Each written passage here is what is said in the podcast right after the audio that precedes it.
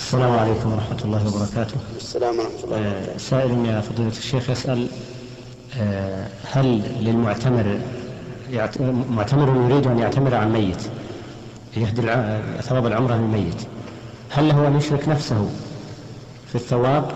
وإذا اعتمر بصبية صغار لمن هل ونوى هو أجرهم للميت هل يكون ذلك؟ جزاكم الله خير. هذان سؤالان في سؤال. نعم. أما المسألة الأولى فإنه لا يصح أن ينوي نسكا واحدا عن اثنين لأن النسك لا يجزي إلا عن واحد. كما لو أردت أن تصوم قضاء عن نفسك وعن ميت فإنه لا يصح.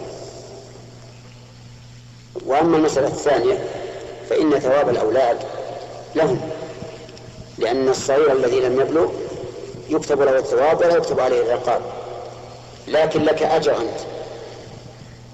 أجر. لكونك أحرمت به. ودليل هذا أن النبي عليه الصلاة والسلام قال في المرأة التي رفعت إليها الصبي ألي هذا حج؟ قال نعم ولك أجر. فقال الحج للصبي له حج وأنت لك أجر. وأما ما عن العامة أن أجره يكون لأبيه أو لأمه أو لمن حج به فهذا لا أصل له.